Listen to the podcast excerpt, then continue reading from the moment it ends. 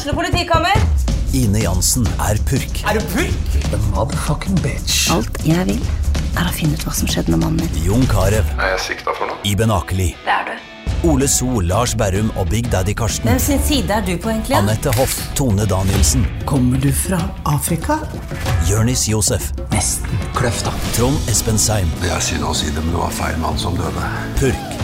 Premiere tirsdag på TV2 Play. Ungsamtalen fra DNB er økonomisk veiledning tilpasset deg som er ung. Bokk en ungsamtale på dnb.no. slash ung. Det er kjempebra hvis du skal inn på boligmarkedet, hvis det er drømmen din, liksom. Det er det du skulle sagt. Og så kunne du ropt litt mer, da, sånn som jeg gjorde. Bam! Oh.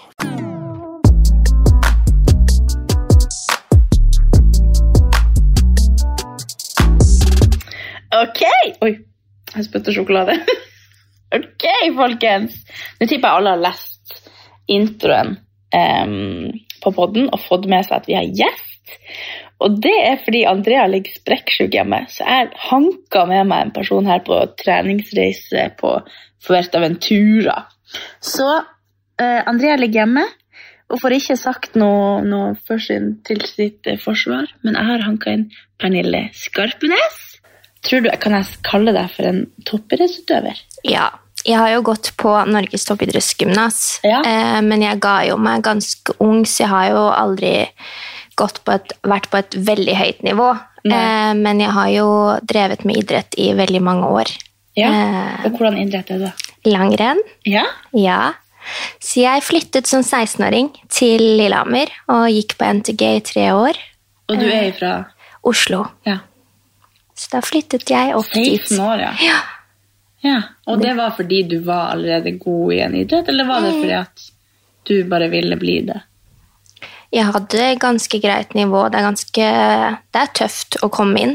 Eh, så det er tøft eh, konkurranse å komme inn. Så det er opptaksprøver og oh, ja. Ja. Eh, så du er på opptaksdager oppe på skolen og blir testet i masse forskjellig ja, øvelser, styrke, utholdenhet. Og så er det jo selvfølgelig karakterer da, fra Ja. ungdomsskolen. Det er litt som å komme inn i militæret, eller i, på førstegangstjenesten. Ja. Ja, egentlig. egentlig. Herregud, og da var man da er du 16 år, og da hadde det bare fram til da bare vært litt sånn hobby, og så Nei, da har jeg, var jeg har satset aktivt. Så når jeg var yngre, så holdt jeg både på med friidrett, turn og langrenn. Og så fant jeg ut at nå må jeg Da ble det litt mye med tre idretter. Ja. Så da reduserte jeg til friidrett og langrenn. Og så var det, så jeg at jeg hadde mest potensial i langrenn. Så da Ja. var det det jeg gikk for. Men når føler du at det på en måte gikk ifra å være eh, så, så, så Jeg har jo også gått på idrett hele min barndom, men det har aldri vært på noe nivå. Det har bare vært sånn fordi vennene mine gjør det, jeg bare ville være en del av en sosial greie og hadde ingen mål med det. Men har du alltid på en måte følt at det var Jeg mestret det som veldig ung. Jeg var nok typ Ikke en barnestjerne, men jeg, det lå veldig latent for meg når jeg var ung. Eh, så jeg presterte jo veldig godt når jeg var ung. Men da jeg kom på NTG i 15-16-årsalderen, så slet jeg veldig mye med overtrening. ja. Eh, og så fikk jeg kyssesyken oppå det hele. Eh, så den overgangen der eh, var veldig Ja, det var utfordrende. Så idretten lå veldig latent til meg når jeg var ung, og jeg så jo at jeg presterte bra. Jeg var på et høyt nivå når jeg var ung. Eh, så da var det jo det jeg hadde lyst til å gjøre, og det jeg hadde passion for. Eh, og virkelig da når jeg kom inn på NTG, så fikk jeg jo muligheten til å virkelig gjøre det jeg likte aller best, og ved siden av å ta vanlig studiespesialisering, da. Ja. Men følte du at det også var litt sånn sosialt, og det var på en måte vennene dine i idretten også? At du på en måte, det var et ekstra insentiv til å satse, eller har det alltid vært sånn at du vil bli best i den sporten? Det er nok en kombinasjon. Det var jo en arena der man får mye venner, knytter til seg mange personer utenom skolen, da, for eksempel. Men i Oslo-kretsen har det heller ikke vært så mange jenter. Eh, ja. Så jeg trente veldig mye med bare gutter. Eh, okay. Så det var til et tidspunkt der jenter falt veldig av. Det var veldig få jenter. Eh, og det er nok kanskje grunnen til at jeg ble overtrent også. Ja. For jeg trente nok Ofte når du er veldig ung, så er jenter og gutter på kanskje likt nivå, men så begynner kanskje gutter å utvikle seg mer jo eldre de blir. Men da trodde jeg at jeg skulle fortsatt henge på de beste gutta. Så jeg kjørte på alt jeg kunne. Eh, så da, da, gikk, da ble det litt mye. Ja, når Ja. de får testosteron, så får du hormoner. Altså. Ja, ja. ja, shit. Mm. Men det, det likevel, var det likevel lysbetont, på en måte? Eller var det sånn Ja, at det liksom Ja. Men jeg merket jo når fra å være på et høyt nivå, da, eh, og så begynner det å butte imot, eh, og ting går ikke som det vanligvis vi gjør. Eh, og det er jo en konkurranseidrett, og folk som du har slått før, begynner å slå deg. Mm. Det er jo Du må jobbe mentalt, ja. Ja, det må du virkelig. Mm. Men det er jo, det er jo en veldig eh, Det snakka litt med Nå har jeg på en måte ikke introdusert at vi er jo på treningsreise, det har vi snakka om i poden, så folk Mm. vet at jeg er på, på tur. Men, men her møter vi jo masse forskjellige mennesker, og da satt jeg og snakka med ei som eh, har barn som er toppidrettsutøvere. En var hockey, tror jeg. Og, men da snakker vi om det at de blir så pusha fra de er så små, og at det, liksom, det er morgentrening før morgentrening på Vang, eller hvor de går, da.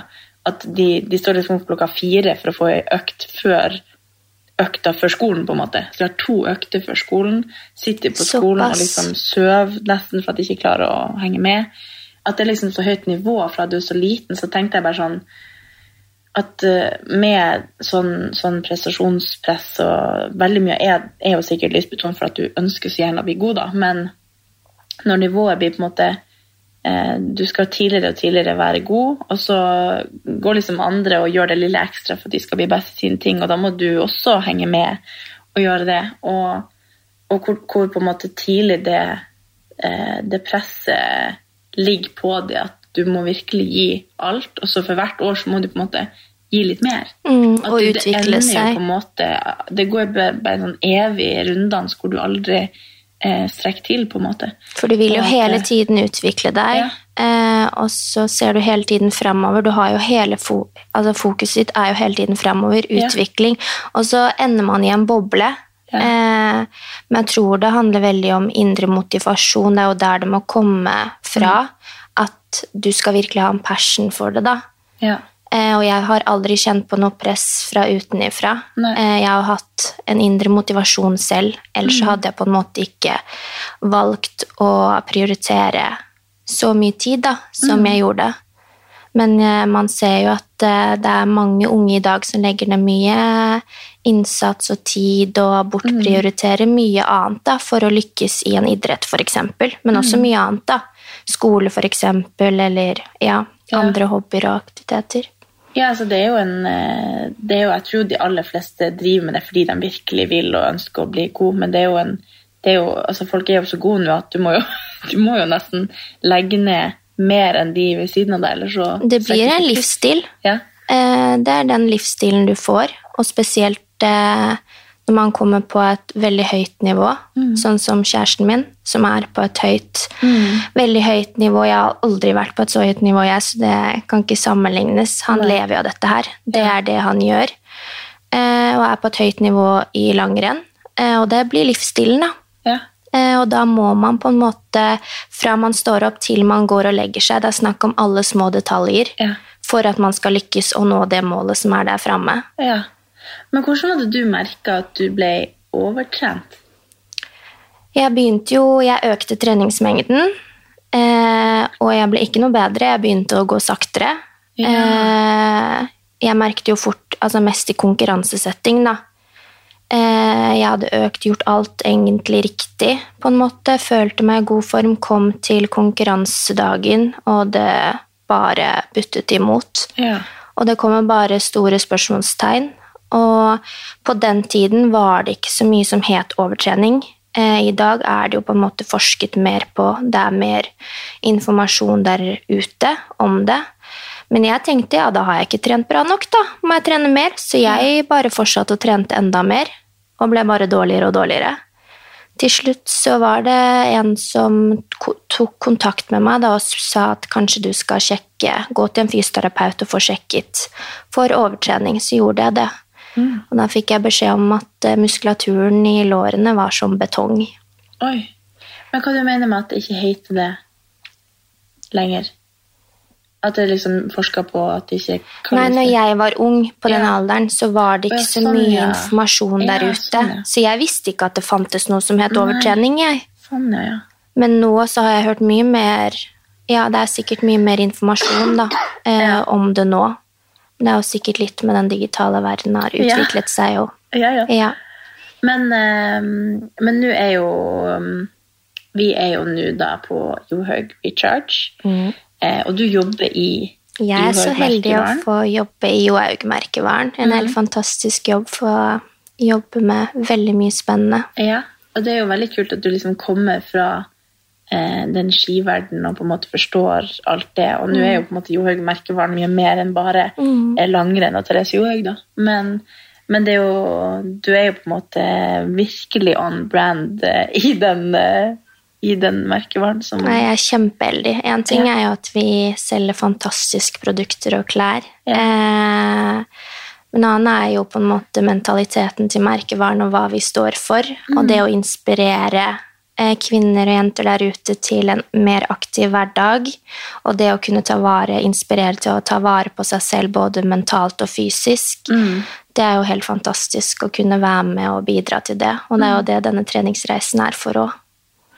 Så det er veldig, veldig, Ja. veldig gøy å få jobbe med. Ja, Hver er dag. veldig- Ja, skikkelig kult. Og jeg føler liksom at fordi vi eh, i Vitamovel som jeg jobber i, har jo også samar, samarbeidet en del med Johaug, og da føler jeg liksom at jeg har blitt eh, kjent med deg som en venninne på en måte i den her det. jobben. Ja, ja. Jeg sier til alle, jeg kjenner, vi er blitt venner nå, ikke sant? Ja, vi har blitt det! ja. Men da har jo vi snakket litt om eh, det her med at, du nevnte det jo litt nå da, at eh, kjæresten din også er toppidrettsutøver, og du kommer jo litt fra den verden sjøl og på en måte forstår jo mye hva det liksom krever å legge ned i det.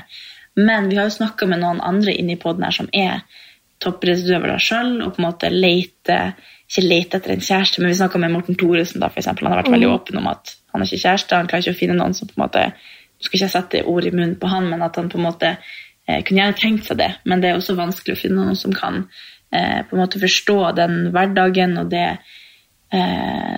det fokuset du på en måte må ha. Du må på en måte alltid være, Idretten må være en prioritet, og det må være nummer én, og så kommer det på en måte litt i andre rekke.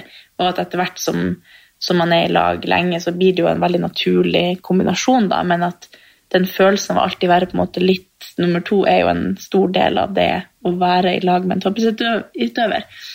Men, og det her har vi snakka litt om, da. For jeg er litt nysgjerrig på det, for jeg er jo eh, Jeg kan jo på en måte ikke kjenne meg igjen i det på samme måte, men jeg har jo en kjæreste som er veldig, veldig glad i å trene. Og elsker det overalt på jord og vil helst gjøre det mange ganger om dagen. Men det er på en måte på et helt annet nivå enn hvis det hadde vært eh, på en måte Jeg vet ikke om det er levebrød eller hva man kan kalle det, men at det er en så stor del av hverdagen da, at det tar, tar Det blir en livsstil. Ja. Og det blir en livsstil for begge parter. Mm. Fordi det er jo Det er nok ikke et veldig A4 kjæresteforhold. For det er Man har én mulighet da, i livet til å bli best i det man satser på, og det kan være for da kjæresten min, så er det langrenn. Han har ett mål, og det er å bli så god som mulig i den idretten. Og da vil man jo gjøre en del prioriteringer, og da handler det veldig mye om når man er på et så høyt nivå, om de små detaljene. Og da blir det en livsstil. Fra morgen til kveld. Og jeg forstår så mange som Ja, eh, jeg har fått spørsmål om det mange ganger. Eh, om hvordan det er å leve med en toppidrettsutøver. Og det og kanskje den følelsen mange tror at man får det å bli tilsidesatt. da. Ja. Fordi at de må gjøre harde prioriteringer. De kan ikke være med på alt av festligheter, da, for eksempel. De må passe på når det er på en måte sesong, så det, må vi passe på det med sykdom og Jeg husker. Det var en sånn der kunne var en sånn langrenns... eh, Jeg tror han, jeg tror han er langrenns... Som Så var han på, på nyheten eller på TV 2 God morgen Norge eller noe sånt. så hadde han blitt kjæreste med ei anna som var nyhetsanker eller noe sånt. De var litt kjendiser begge to. jeg husker ikke noe. Men da var det liksom det at ok, nå eh, kunne ikke de sove sammen på to måneder, sånn, for at de måtte, ikke, kunne ikke risikere at han ble syk, og hvordan det å liksom ikke kunne kline. Veldig det blir på- sånn. Ja, ja. Så det er sånn for dere òg. Ja, ja, ja. Ja, ja. Og, men jeg vil jo ikke sitte med den altså, samvittigheten med at jeg gjør Nei. han sykt. Hvis, hvis han skal eh, gå et stort mesterskap, da.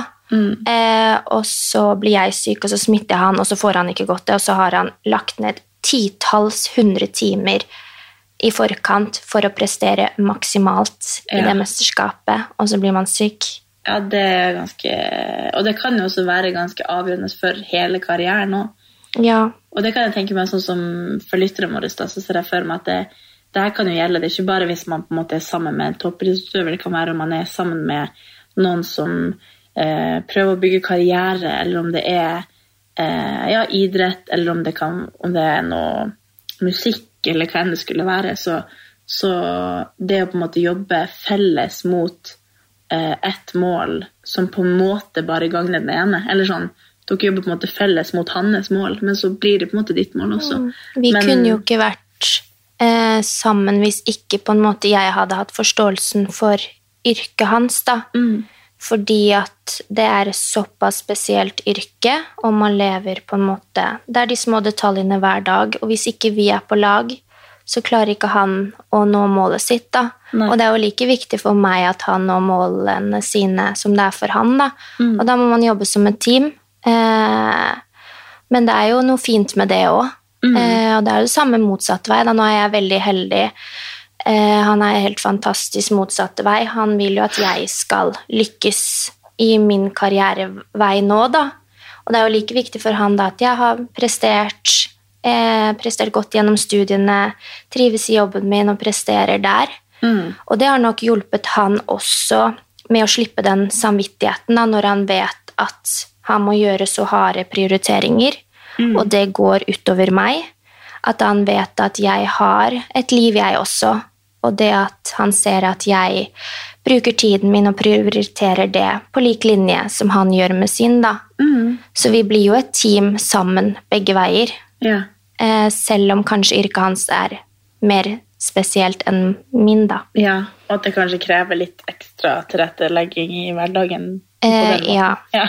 Så man blir på en måte sidsatt på én måte, men man må også tenke på at dette er en periode i livet. ja. Dette vil jo ikke vare for alltid, men jeg skjønner at mange lurer på ja, hvordan det er å leve med en toppidrettsutøver. Ja. For eh, ja, de må prioritere bort mye. F.eks. hvis man blir invitert i middager, på festligheter. Det blir ofte man må takke nei, da. Man får på en måte ikke prioritert kanskje familie og venner i like høy grad, da. For man skal opp om morgenen, trene to økter om dagen, det skal spises, det skal slappes av. Mm. Ja. Alt er på en måte for å bygge det maskineriet. på en måte. Ja. Mm. ja. Men hvordan er det, kan dere, dra dere på ferie og sånn, og helt, er liksom helt uten Han har jo som regel en pause på våren, da, så da prøver vi å legge inn en ferie. Mm. Eh, så vi er flinke til å prioritere den tiden av året, da. Ja. Men hvordan er det eh, når dere eh, eh, Er det sånn at du Kjenner du mange andre som sitter sånn med situasjon? Ja, Som du, liksom har, kan, som du snakker med om de her tingene? jeg har, eh, jeg har eh, noen venninner som sitter i lik situasjon, Mm. og man møter jo på de samme utfordringene. Ja. Så der, eh, da har man noen å spare med og prate med. og jo, Sånn er det jo en arbeidshverdag òg. Der kan jo på en måte alle kjenne seg igjen. Har man hatt en kjip arbeidsuke, en arbeidsdag, så drar man jo det med seg hjem. Og det er det jo samme for en toppidrettsutøver. da. Har man godt prestert dårlig, da, så er det jo de følelsene som man tar med seg hjem. ja, ja. Så man blir jo med på både oppturer og nedturer, og det kan by på utfordringer, og da er det jo det enkleste som kommunikasjon kanskje nøkkelen, da. Ja. Men for mange blir jo det du kan merke det at hvis det, hvis det Eller gjennom oppturene og nedturene i på en måte idretten, så blir det på en måte også en del av, av dere. Absolutt. Ja. Så man er med på hele reisen. Ja, ja. Ja. Så kommer hjem, og da er det bare å ha begravelse og ha Ja, ja. Man kjenner det på stemningen. Ja. Ja. ja, ja. Man trenger nesten ikke å spørre hvordan det, kan gå, eh, hvordan det har gått, men uh, ja. Du kan se det på en måte på resultatlista, og så vet du nå er det det som kommer igjen. ja. Så Ja, godt det- kjenner jeg han. Jeg vet, Ja, han.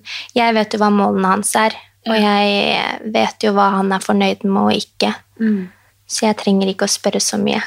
Nei, så er det jo på en måte også en veldig fordel at du også kommer fra samme bakgrunn. Du har veldig stor forståelse for det, kanskje på en, en mye bedre måte enn kanskje jeg ville gjort. Jeg, jo, jeg kan jo på en måte kjenne meg litt igjen i Eller jeg snakka masse med samboeren min om det, at vi har på en måte så forskjellig på en måte forhold til eh, eh, Si at vi ikke rekker å trene en dag, eller om det er liksom et eller annet. Så jeg sånn tenker ikke jeg litt over, men så har han tenkt liksom at han har så lyst til å få til Han har på en måte ikke den samme prestasjonsmålet med sin trening, men han er, han er bare veldig glad i det.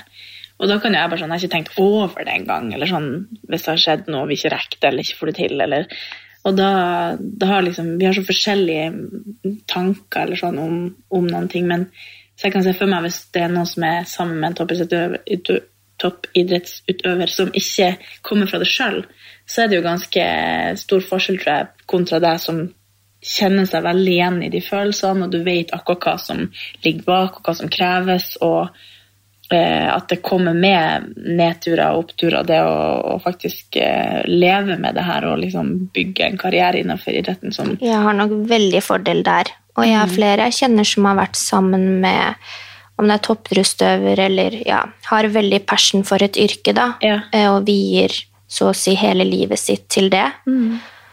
Som kanskje ikke sitter med den samme forståelsen, da. Eh, som syns det er utfordrende. Og jeg forstår det 100 eh, Men jeg har nok fordelen at jeg har holdt på med idrett selv. Jeg vet at skal man lykkes på et høyt nivå, så må man være opptatt av alle disse små detaljene, da. Ja. Eh, og da må man akseptere det, hvis man skal få det til å fungere, rett og slett. Mm.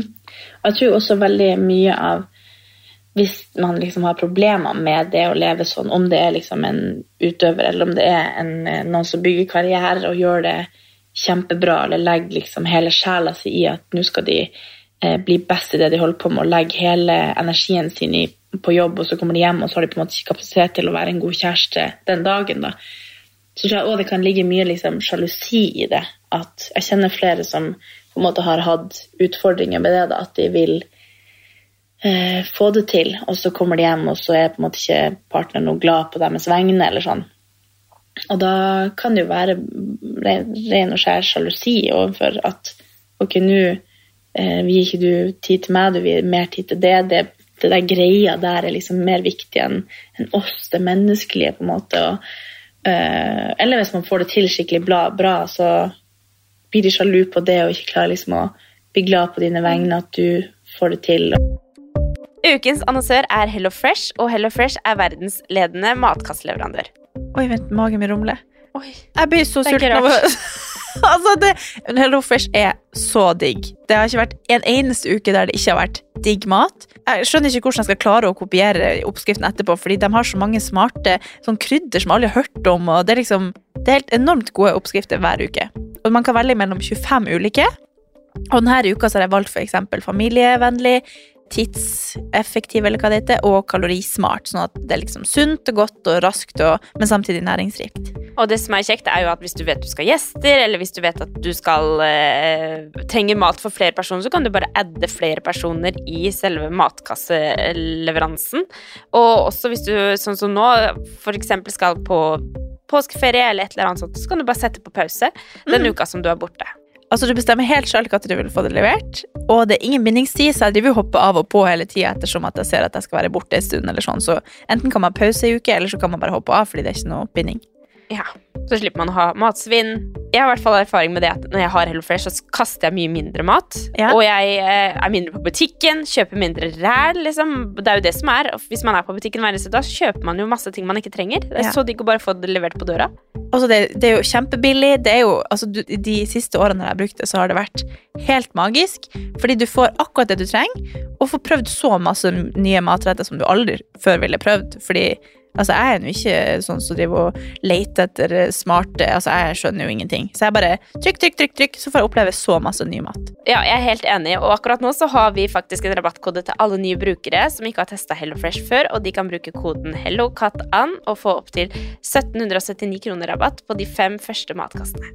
Tusen takk for at HelloFresh er med og sponser ukens pod.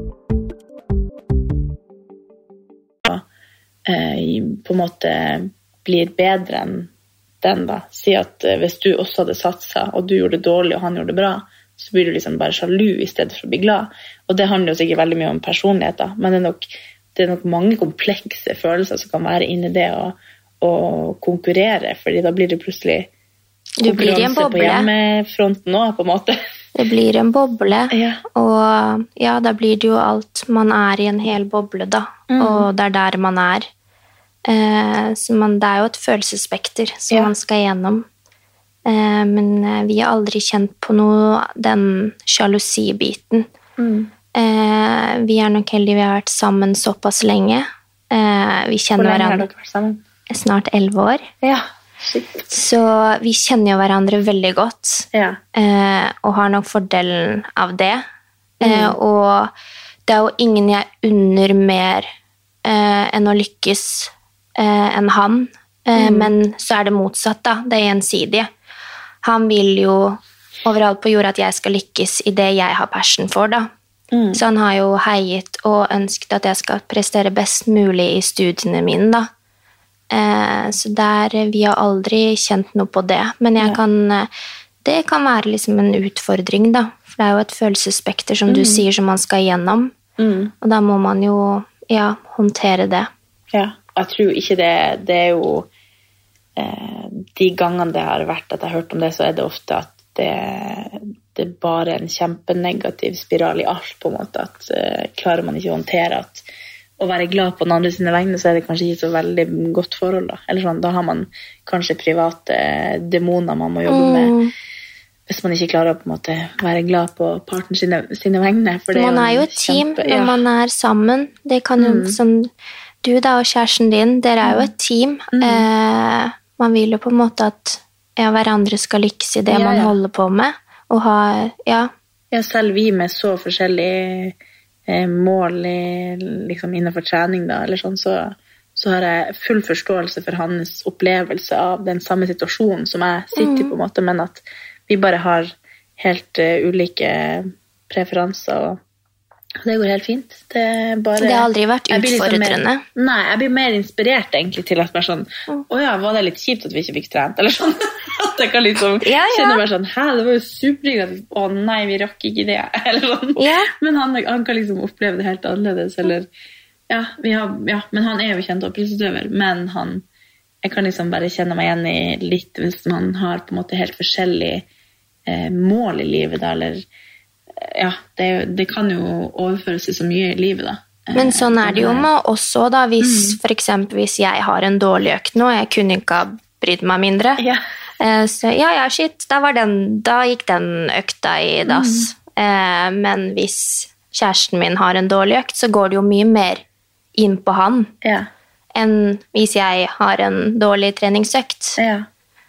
Men er det sånn at noen gang Du må bare si hvis det blir for privat, da. Men om det er sånn at hvis det har vært en skikkelig nedtur i karrieren, om det har liksom gått utover dere på en større måte enn bare liksom at han er sur når han kommer hjem fra, fra Ja, det tærer jo på, da.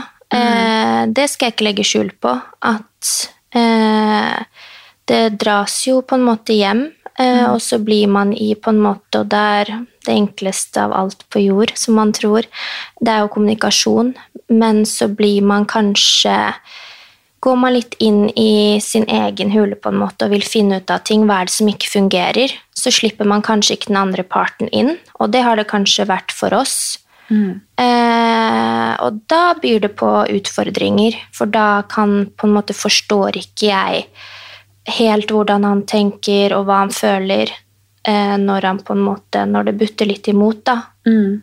Eh, og det kan by på utfordringer og tære på forholdet da, over, over tid. Men så finner man ut av det. Jeg eh, har veldig troen på at når man er i forhold, skal man gjennom litt, da. For Mm. også å lære seg hverandre å kjenne. Men eh, ja, det kan være utfordrende, det. Mm.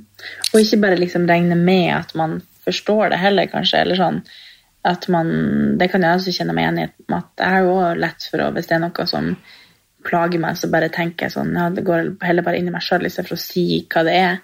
Og så går man og bare regner med at nå skal han vite hvordan han skal håndtere meg. sånn at jeg sier noe, sånn. eller at han skal bare eh, skjønne at jeg, at jeg ikke vil snakke om det. Eller han skal skjønne at nå burde han spørre meg. Eller sånn. Man tenker bare Eller bare man tenker- late som at alt, er, Ja. alt går fint, Ja, og ikke man prate om veldig det. ofte tenker at det er naturlig å håndtere ting inni seg sjøl, hvor det beste vil eh, stort sett være å snakke om det. Og så har jo på en måte kjæresten min alltid sagt at han vil på en måte skåne meg litt. Han vil Mm. jo på en måte ikke la det gå utover meg. Men selv om da man tror at det ikke skal gå utover meg, så gjør det det. Eh, så det er en sånn balanse, da. Det kan jeg For man vil ikke snakke om det, for man vil ikke på en måte skåne vedkommende. Men så blir det til at det går Det renner kanskje litt over, da. Man går altfor mye inn i seg selv, og så Ja. Ja, det kan jeg kjenne meg veldig igjen i. At det Mm. går egentlig mer utover deg da. Ja, det gjør liksom- egentlig det, for man kanskje endrer litt atferd uten å tenke over det. Kanskje man blir, får litt kort lunte, Mm. sier kanskje ting kanskje litt mer direkte. Ja. Eller uten å tenke sånn over det. But, eller sånn at man Ja. bare blir sånn litt sånn kort og Ja, kort eh, i svarene, som man kanskje ikke vanligvis pleier å bli, da. Mm. Ja. Fordi man kanskje går og gnager på ting, da. Og hvis man merker, man, spesielt dere har vært i lag i elleve år, og vi nesten, så føler jeg liksom at man, man kan jo på en måte lese hverandre ganske godt. om Hvis du da skjønner at det er noe, men du ikke sier det, og hvis du spør, men fortsatt ikke vil si det, så oppleves det mye verre enn hvis du bare hadde vært åpen og bare sånn Sagt hva ja, det var. For da føles det litt som at man vil holde utafor, på en måte, og da oppleves det jo enda verre enn hvis man får lov til å være med litt på den nedturen, fordi da det man, opp, det man føler på en måte når man får lov til å hjelpe, da, er jo bare gode ting. Ikke at det på en måte Ok, nå dro du meg ned i søla. Man opplever det jo mye mer som en sånn Takk for at du er åpen, og det er jo sånn at man Ja. Men jeg merker jo det selv. Har man hatt en kjip dag, så vil man jo på en måte ikke alltid lempe det på Nei. andre rundt seg. Man vil jo på en måte håndtere det selv. Men det er jo aldri sånn at hvis noen kommer til deg og forteller om Shit, i dag er det jævlig dårlig på jobb, så det er ikke sånn at du tenker sånn Å, hold nå kjeft. Du tenker sånn Ja, takk for at du sier Eller sånn. Man setter jo Eller jeg pris på opplever det. det veldig som en sånn eh, Som en, eh, en bra ting. Som om at vi liksom eh, At det blir en sånn varm sirkel rundt oss. Selv om Det det. det. du lemper over er kjipt, så blir det en kjærlig ting, på en måte, fordi du på en måte viser en sånn medmenneskelig eh, trygghet. da, Man er åpen med hverandre. Det er jo som Mm. du sier, man får ja, skaper noe fint ved å være åpen og ærlig da, Mm. og snakke om det. og ja, Det blir noe fint ut av det. Selv om man kanskje formidler noe som er kjipt. da. Ja, og så er det, jeg tror liksom, nå spesielt sånn hvis det liksom, for dere så er det sikkert mye i liksom konkurransesetting og treningssetting og sånn, men, men du kan jo virkelig også kjenne deg igjen i det. Eh, og uansett om man kan det eller ikke, så er det jo alltid en, en måte å på en måte forstå hverandre bedre og bli bedre kjent. Eh, og ja, jeg tror aldri det er negativt å, å snakke om ting, selv om det er bra ting eller dårlige ting, så, så er det alltid noe man kan lære ut av det å bli tryggere på hverandre og få mer tillit da, å Det er jo det det handler om. Mm. Men tenk at for mange, det er sikkert mange der ute som kjenner seg igjen, da, at Mm. det å kommunisere og være åpen med hverandre kan være ofte ganske vanskelig for mange, da. Mm. Å slippe folk inn på seg og være åpen og sårbar og Ja. vise de sidene av seg.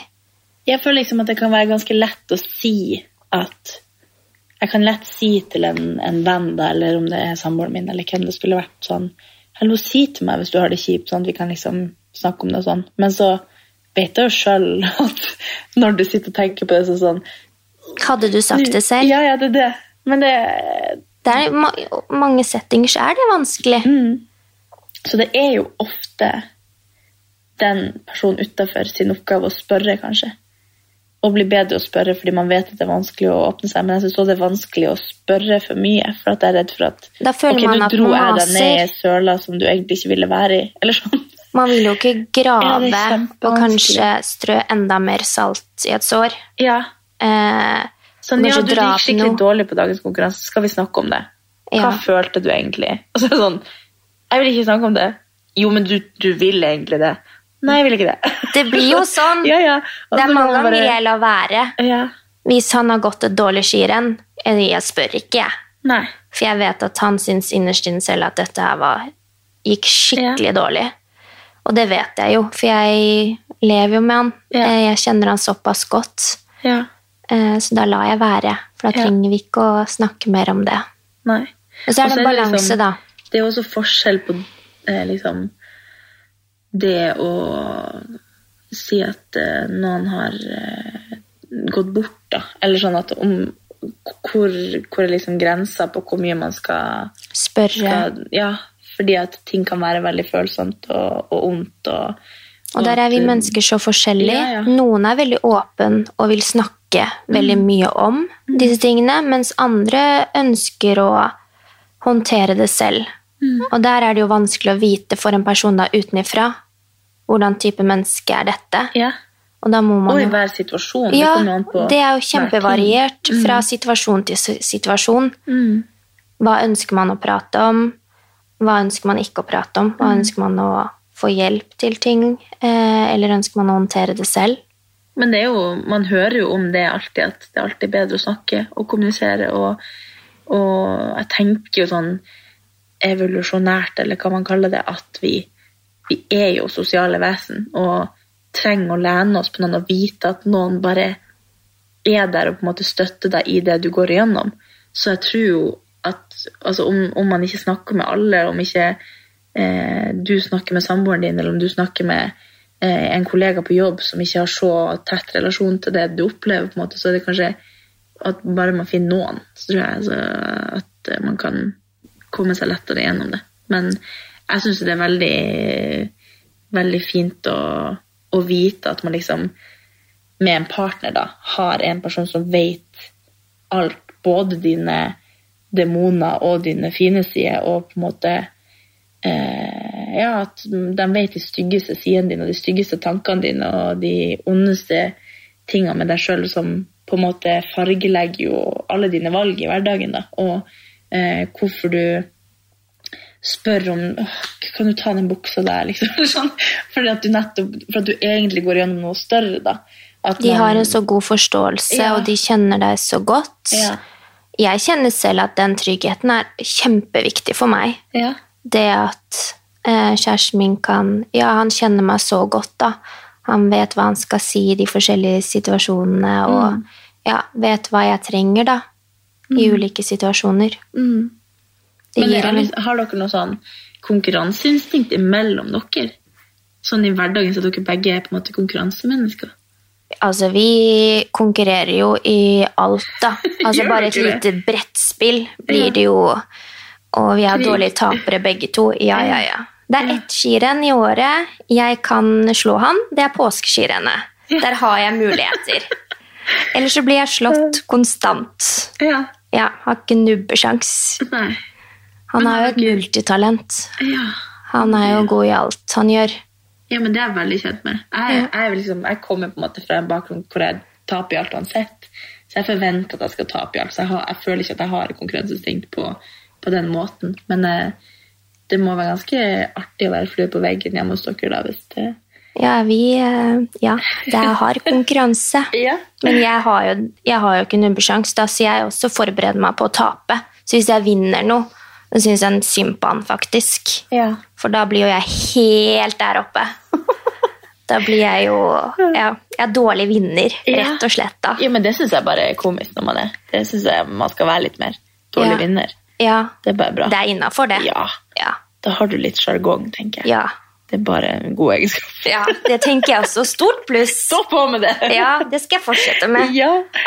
Men en ting jeg lurte på, var eh, Siden du liksom har vært toppidrettsutøver og så har lagt opp, eh, hvordan føler du at det på en måte har påvirka treningsmotivasjonen din? For Før har du på en måte vært veldig konkurransedreven. Har du på en måte måttet finne nye måter å holde treningsmotivasjonen oppe? For du er jo, sånn som jeg kjenner deg, veldig glad i å trene fortsatt, og trener mye på berries og løping, og her på treningsreisen her, så er du med på alt, så du er jo en spirrevipp på trening. Jeg er veldig glad i å trene, og det er jo en stor del av meg. Og det har det jo alltid vært siden jeg la opp. Men jeg merket veldig når jeg la opp eh, på langrenn. Eh, da var motivasjonen min såpass langt nede, for da ga jeg jo meg fordi jeg hadde vært skadet i mange år, og så fikk jeg kyssesyken oppå det hele. Eh, så da var jeg på en måte ganske sånn ja, i en bunn, på en måte. Så da på en måte det drepte nok litt sånn treningsmotivasjonen at Men da begynte jeg å studere, og ja, fant andre ting som jeg begynte å mestre, da. Eh, og så har på en måte bare trening og idrett blitt litt isidesatt, for da har det vært fokus på eh, studier. Eh, Men jeg har jo alt, det merket jeg jo når jeg la opp. Det jeg merket at det var et eller annet når jeg begynte å fokusere enda mer på studier, og det tok tid. Og så begynte jeg å jobbe i Johaug, og det tok mer tid, så har jeg hele tiden merket at det er noe som mangler.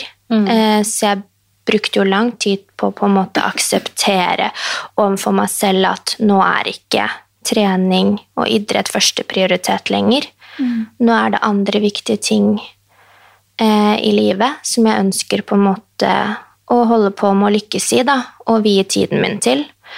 Eh, men idrettsgleden har jo alltid vært der, eh, men kanskje mye mindre, da. Eh, for jeg på en måte sluttet jo idrett på en bunn.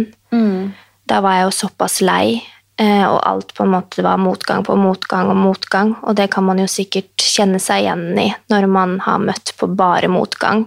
Eh, Da ønsker man å kanskje finne andre arenaer, så man kjenner på den, det å lykkes, da. Eh, og, men nå når jeg på en måte er ferdig, så kommer på en måte idrettsgleden, for nå har jeg alltid ligget der, for jeg har holdt på med idrett og trening siden jeg var bitte liten. Eh, Og så kommer jo bare den sterkere tilbake, og så finner jeg andre former for å trene på. da. Så nå har jeg jo begynt å trene mye mer andre. Liker å variere enda mer da, enn bare langrenn. Jeg jo, går jo fortsatt mye på ski. Men andre treningsformer da, som jeg syns er gøy. Ja. Det er bra. Jeg tror det, det jo, høres ut som du har en sånn indre motivasjon fortsatt til å bare være aktiv. Og så er det, det er en veldig fin, eh, fin sånn etterkarriere Men det er en overgang å gå Ja. fra å på en måte være veldig prestasjonsdrevet, mm. holde på med en idrett veldig spesifikt, til å gå over at det bare skal være gøy og Ja. holde på med mye mer variert og Men du setter du deg fortsatt treningsmål og sånn? Eller bare tar du det liksom go with flow? Nei, etter jeg la opp så var jeg helt ferdig med det. Ja. Eh, Da har jeg ikke satt meg noe som helst mål. Da har jeg egentlig bare gjort det jeg har hatt lyst til, og vært med på mye variert trening. Eh, mens nå kjenner jeg igjen Fordi jeg er jo, liker å ha veldig mye å gjøre, har alltid hatt veldig mye å gjøre. Eh, og nå som gjennom studietiden så har jeg hatt x antall verv i studentforening, jeg har hatt deltidsjobb, jeg har trent. Jeg har hatt en full uke, eh, for å si det sånn. Og det merket jeg når studietiden var over nå, så ble det plutselig veldig tomt. Ja. Så jeg bare Så da tenkte jeg nå er det endelig plass til å Nå kan jeg trene, begynne å trene enda mer.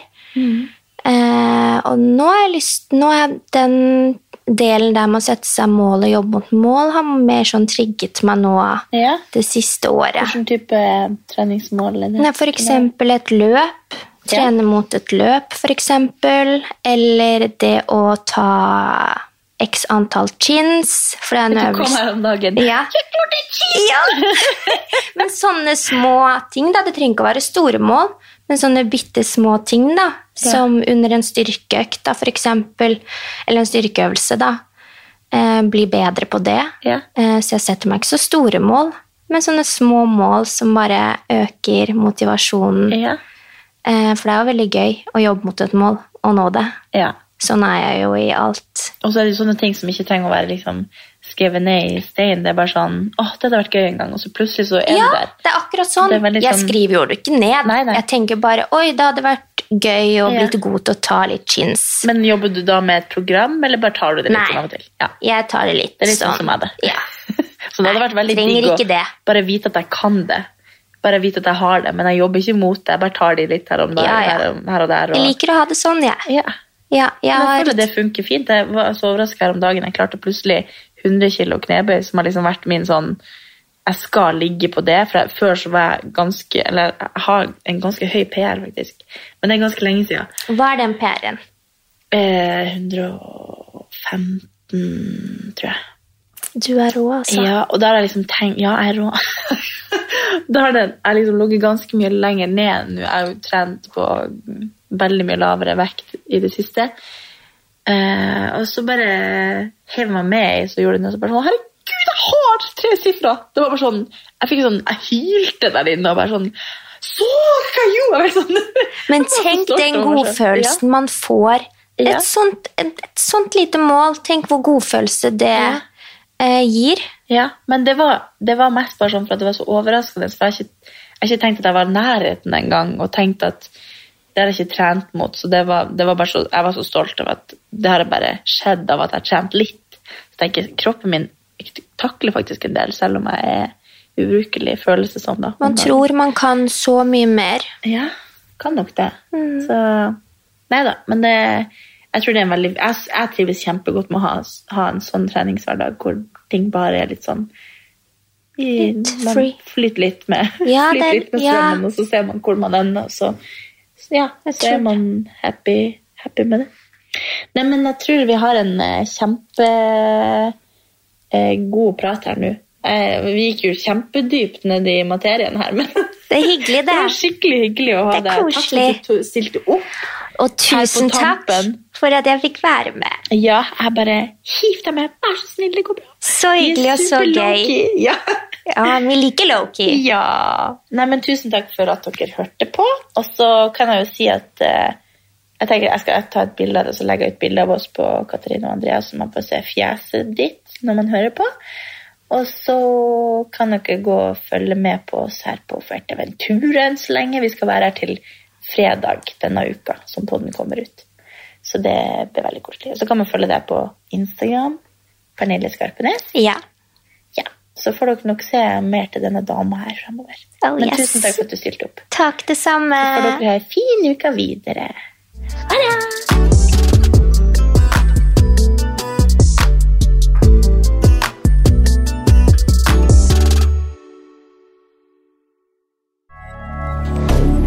Moderne media. Har du et enkeltpersonforetak eller en liten bedrift? Da er du sikkert lei av å høre meg snakke om hvor enkelt det er med kvitteringer og bilag i fiken, så vi eh, gir oss her, vi. Fordi vi liker enkelt. Fiken superenkelt regnskap.